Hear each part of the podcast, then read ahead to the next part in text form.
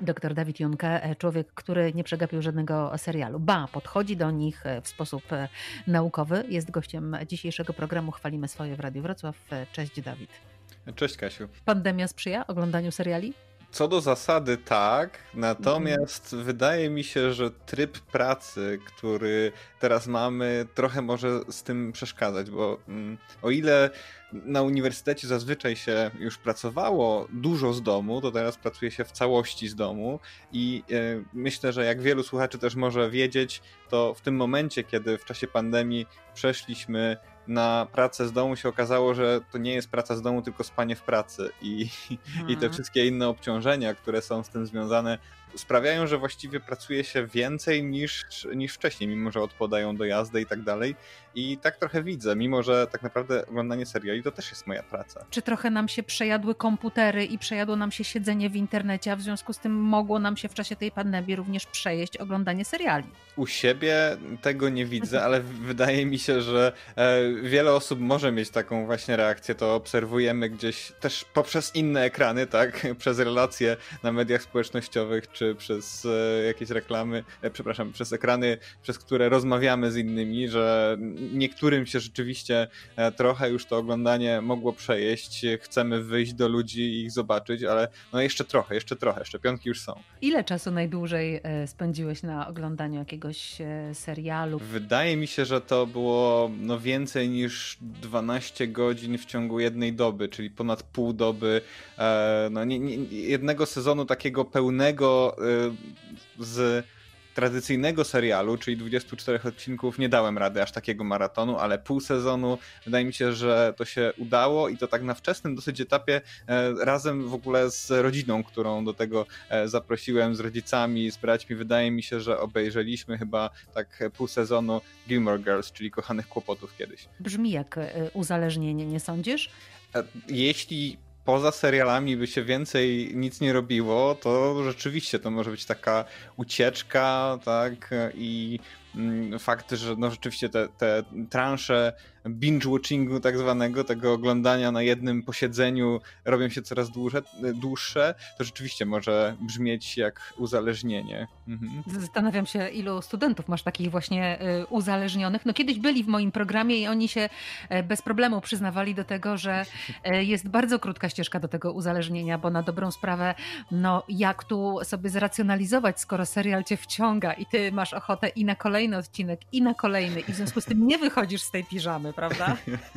No, wydaje mi się, że mm, zwłaszcza na studiach można sobie pozwolić na taki luksus tego e, uzależnienia, a tym bardziej jeszcze jak się zbliża sesja albo sesja już przychodzi i trzeba się uczyć do egzaminów, to wtedy e, myślę, że seriale są szczególnie kuszące, a później jak wkracza życie, no to siłą rzeczy trzeba trochę to jakoś limitować, tak? Bo trzeba właśnie iść do pracy albo um, włączyć komputer na innej zakładce, tak? Tam, gdzie się pracuje teraz w, w czasie pandemii i myślę, że to tak naturalnie rytm życia to trochę wyznacza, e, ale jeśli nawet długie posiedzenia przy serialach robimy, to ja bym tego bronił, dopóki nie skutkuje to takim negatywnym wpływem na resztę naszego życia, bo tak zazwyczaj się e, jakoś definiuje uzależnienie. E, a myślę, że wielu osobom seriale nie tylko no właśnie nie zabierają nic, ale dużo dają. Na przykład? Wgląd w inne perspektywy, w życie ludzi w zupełnie innych krajach.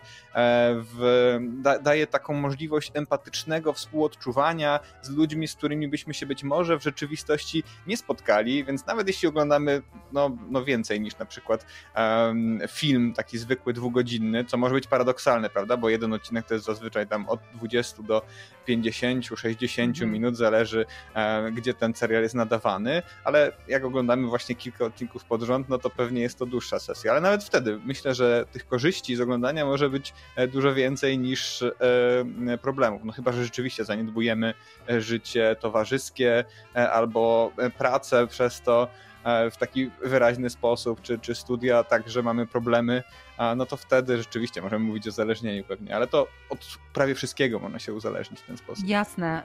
E, życie towarzyskie i tak mamy zaniedbane w ostatnim czasie, więc nawiązując trochę do tego, co powiedziałeś, że my się możemy sporo nauczyć e, właśnie oglądając seriale, e, to czytałam taki artykuł, który mówi o tym, że w ostatnim czasie, w czasie pandemii chętniej oglądamy dokumenty właśnie mhm. na różnych portalach streamingowych, dlatego że te dokumenty trochę pokazują nam to prawdziwsze życie, którego nam brakuje. Czy ty się też z tym spotkałeś, rozmawiając ze studentami? Myślę, że ten mechanizm i to wytłumaczenie, że mając mało kontaktu z tym namacalnym światem, sięgamy po dokument, który jest bliski właśnie temu światu niewirtualnemu, e, że to ma dobre uzasadnienie. Nie, nie spotkałem się z takimi badaniami, e, ale mogę sobie wyobrazić, że rzeczywiście tak reagujemy.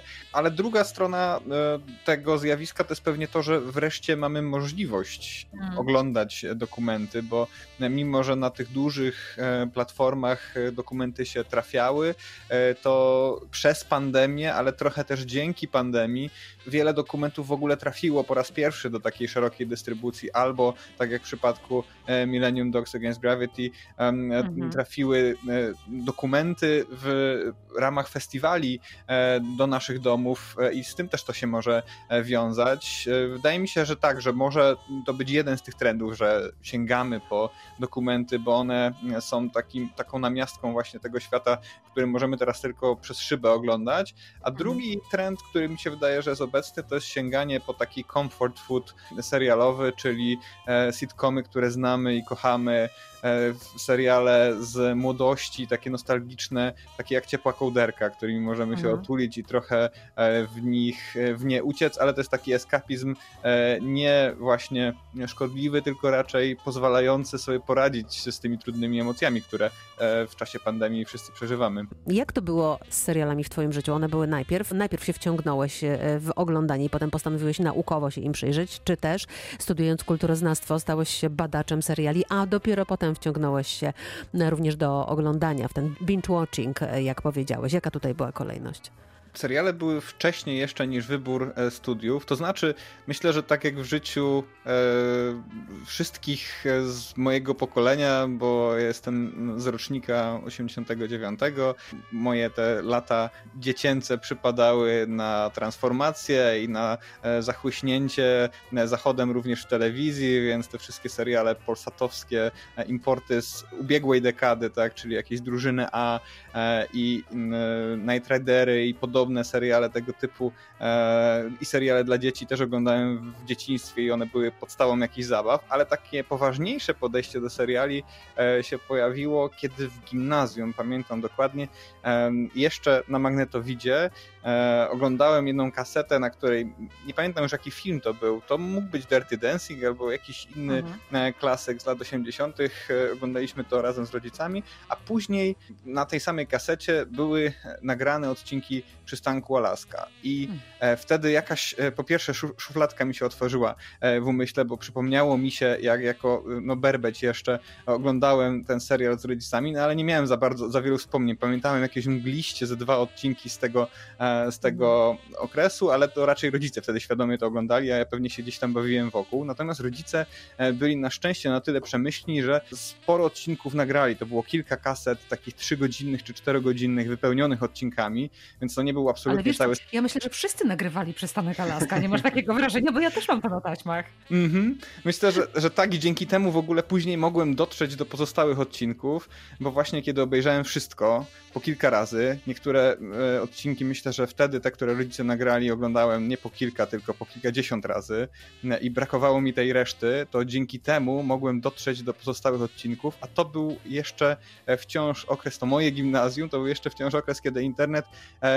zwłaszcza z tymi starszymi produkcjami, sobie nie radził. Nie było w ogóle serwisów streamingowych, mhm. ale nawet z takim pirackim dostępem było trudno i okazało się, że grupa fanów przystanku Alaska w Polsce jest tak silna i miło miłość do tego serialu jest tak mocna, że wciąż jest aktywna społeczność wokół tego serialu na forum Gazety Wyborczej wówczas i znalazłem tam ludzi, którzy prowadzili taką oddolną akcję rozsyłania e, odcinków na płytach e, DVD i CD, które ktoś zgrał ze swojego magnetowidu, takie zgrane nagranie właśnie z takich kaset zjechanych zupełnie. Jakość koszmarna w tak, ogóle. ale to jeszcze dodawało temu takiego um, jakiegoś czaru, bo to było naprawdę trudne do zdobycia. Ten serial wówczas od prawie 10 lat nie był nadawany w telewizji. Chwilę później już e, wylądował na TVN-ie. TVN e, zaczął powtarzać e, ten serial, ale w momencie, w którym ja się nim zainteresowałem, tych powtórek jeszcze nie było i, i serial był właściwie nie do dostania zupełnie. Ponieważ też jestem z tych osób, które wychowały się do przystanku Alaska i powiem ci, że później szukałam, bo bardzo chciałam wracać do tego serialu, bo tam są świetne dialogi, świetne sceny, absolutnie ponadczasowe. No i Tak. co, nie ma nigdzie. No niestety, na razie nigdzie nie ma. Można kupić całość, e, a jeśli już ktoś by chciał kupić e, na nośnikach optycznych, to polecam raczej Blu-ray, wydanie, które e, w Wielkiej Brytanii się ukazało, niż płyty DVD, które były też w Polsce sprzedawane i w różnych innych krajach, bo niestety te płyty DVD mają wymienioną muzykę, a muzyka była tam ważna, Tak. po prostu tantiemy trzeba było ponownie zapłacić i, i Universal się na to nie zdecydował, ale to wydanie Blu-ray, które można od dwóch lat jest takie dostępne, ono ma oryginalną muzykę e, i jakość też jest e, świetna, bo to już jest e, Full HD, no ale niestety na całe, wszystkie sezony to jest jakieś 700 zł. Mam nadzieję, że niedługo Mhm. trafi do jakiegoś jednego z tych serwisów SVOD, bo myślę, że chętnych na obejrzenie, na powrócenie do Alaski byłoby na pewno wielu. No, no właśnie, to trzeba sobie to intro z przystanku Alaska przypomnieć, prawda? I bohaterów, dr Fleischman, Maggie O'Connell, Holling, Shelley, cudownie milcząca Merlin i osobiście mój ulubiony radiowiec i filozof Chris, e, który stworzył program Chris o poranku. A jeszcze chwilę pozostaniemy z tą muzyką, prawda?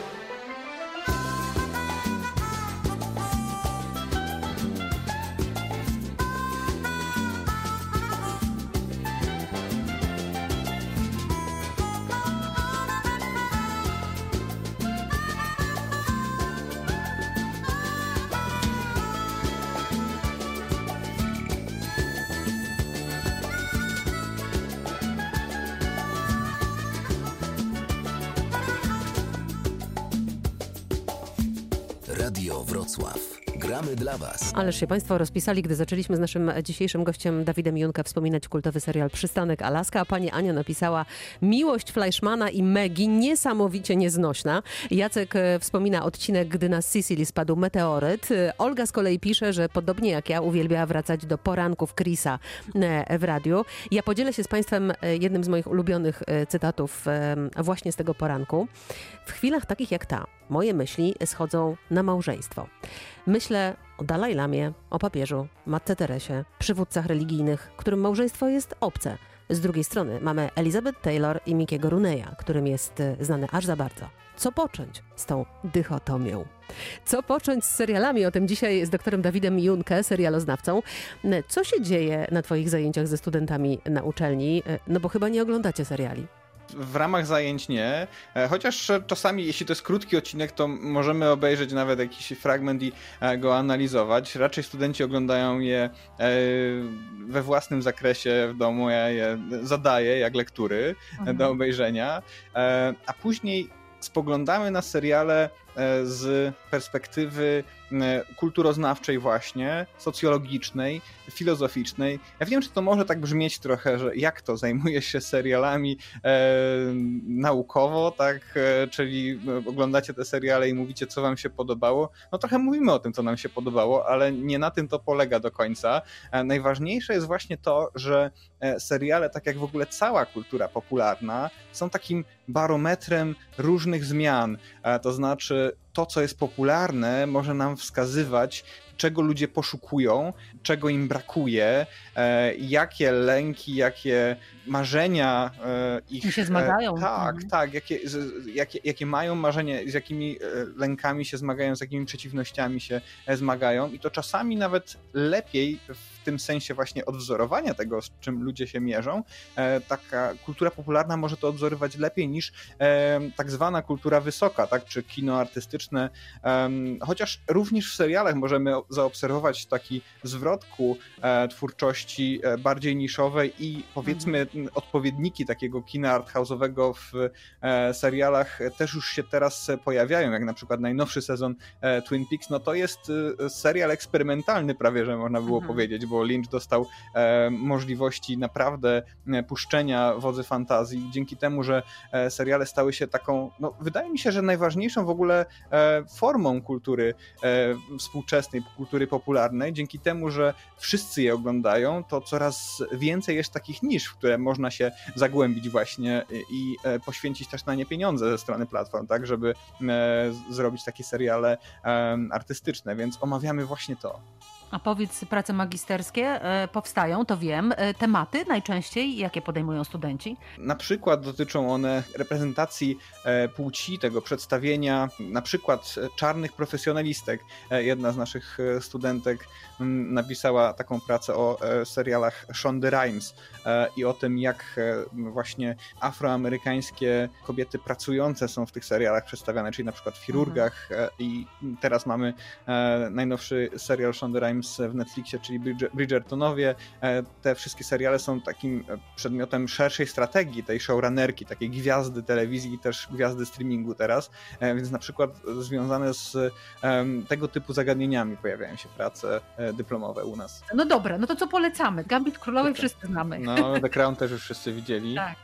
Na koniec stycznia poleciłbym Devs, czyli serial Alexa Garlanda, twórcy Ex Machina, E, między innymi, który moim zdaniem był jednym z najlepszych w ubiegłym roku, a wiele osób chyba go nie zobaczyła. Jest do, jest do obejrzenia na e, HBO Go, jest świetny. Polecał e, Dawid Junka. Dzisiaj rozmawialiśmy o tym, jaka nauka płynie z oglądania seriali. Bardzo Ci dziękuję za to spotkanie. Wszystkiego dobrego w nowym roku.